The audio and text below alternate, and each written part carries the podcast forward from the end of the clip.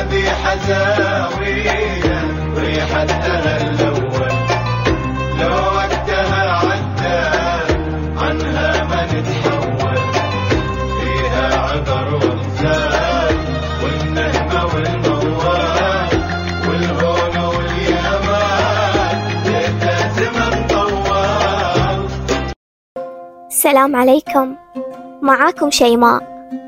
شيماء اللي كبرت وذاكرتها مليانة بقصص البحر وأغاني النهام وكل صوت مرتبط بالماضي.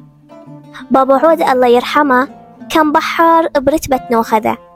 من كنت صغيرة أسمع قصصه عن البحر ولحد ما توفى ما كان يفارقه هذا الحب والارتباط الكبير فيه.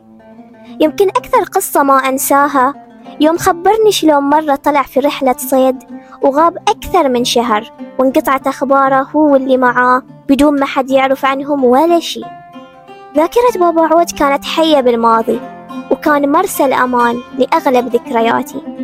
فوقت ما اخترنا موضوع حملتنا لا يجي في بالكم إنه كان اختيار عشوائي. أبدا لأن الموضوع طلع من قلبنا ونتمنى يوصل لقلوبكم. اخترنا إن نستمر في إن نعيش قصصهم ونوثقها كامتنان لكل أجدادنا اللي تركوا بصمة في أرواحنا.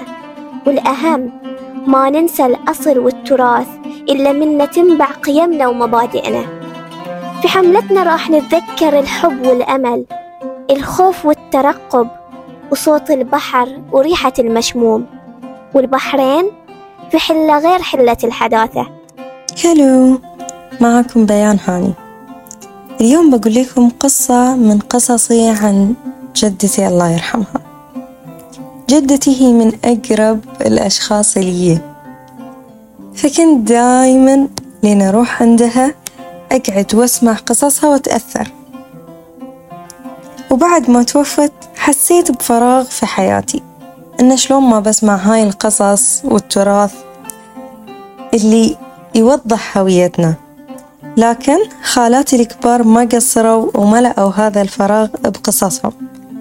فصرت أتحمس لقصصهم اللي أثرت فيني بشكل كبير وصارت جزء مني. فمن خلال حملتنا راح تبقى هذه القصص معانا مخلدة. السلام عليكم وياكم ولاء إبراهيم. قد مرة جربتون تسمعون قصص الأول وتحاولون تعيشون أجواءها الدافية؟ وشلون كانوا الناس يعيشون مع بعض بقلوب طيبة؟ مو بس كذي حتى أجدادنا دائما يحنون للماضي يسولفون لنا عن حياتهم قبل. أحب القعدة الحلوة لما أسولف ويا جدي وجدتي وأسألهم عن حياتهم قبل وأسمع القصص منهم وكل مرة أستغرب من الأشياء اللي يقولونها. وأعيش الأجواء طبعا.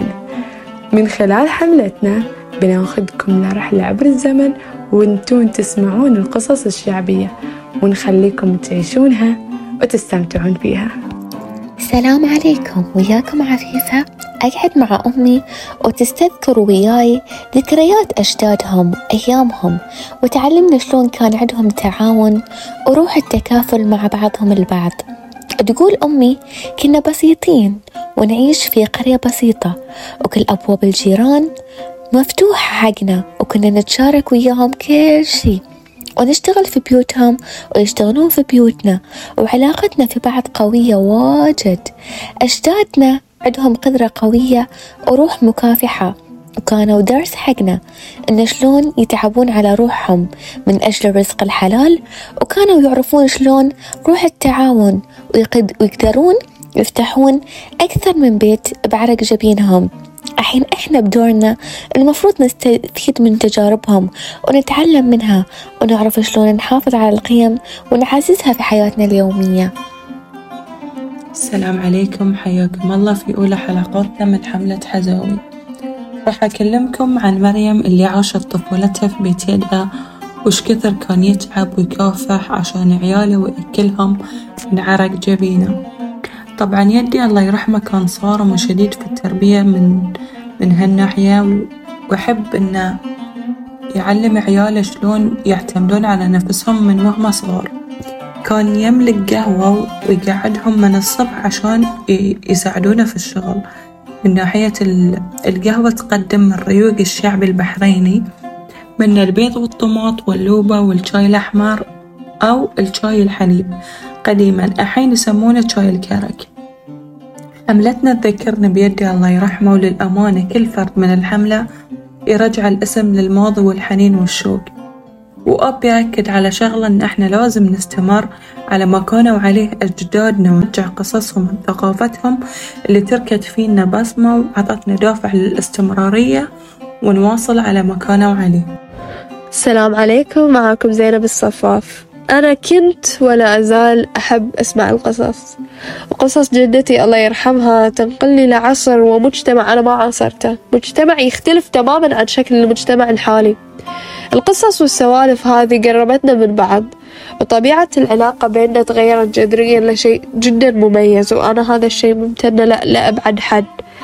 قبل لا أنا أخذ الوقت إن أسمع منها وأسألها عن أيام أول أنا وجدتي كنا فارس النور. للأمانة أنا كنت يعني شيطانة وطلعت لها قرون. بس يعني فعلا هذا الشيء هذه التجربة اللي جمعتنا خلتنا أقرب من بعض.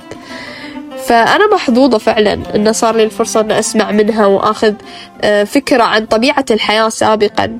ومو الكل يحصل هذه الفرصة.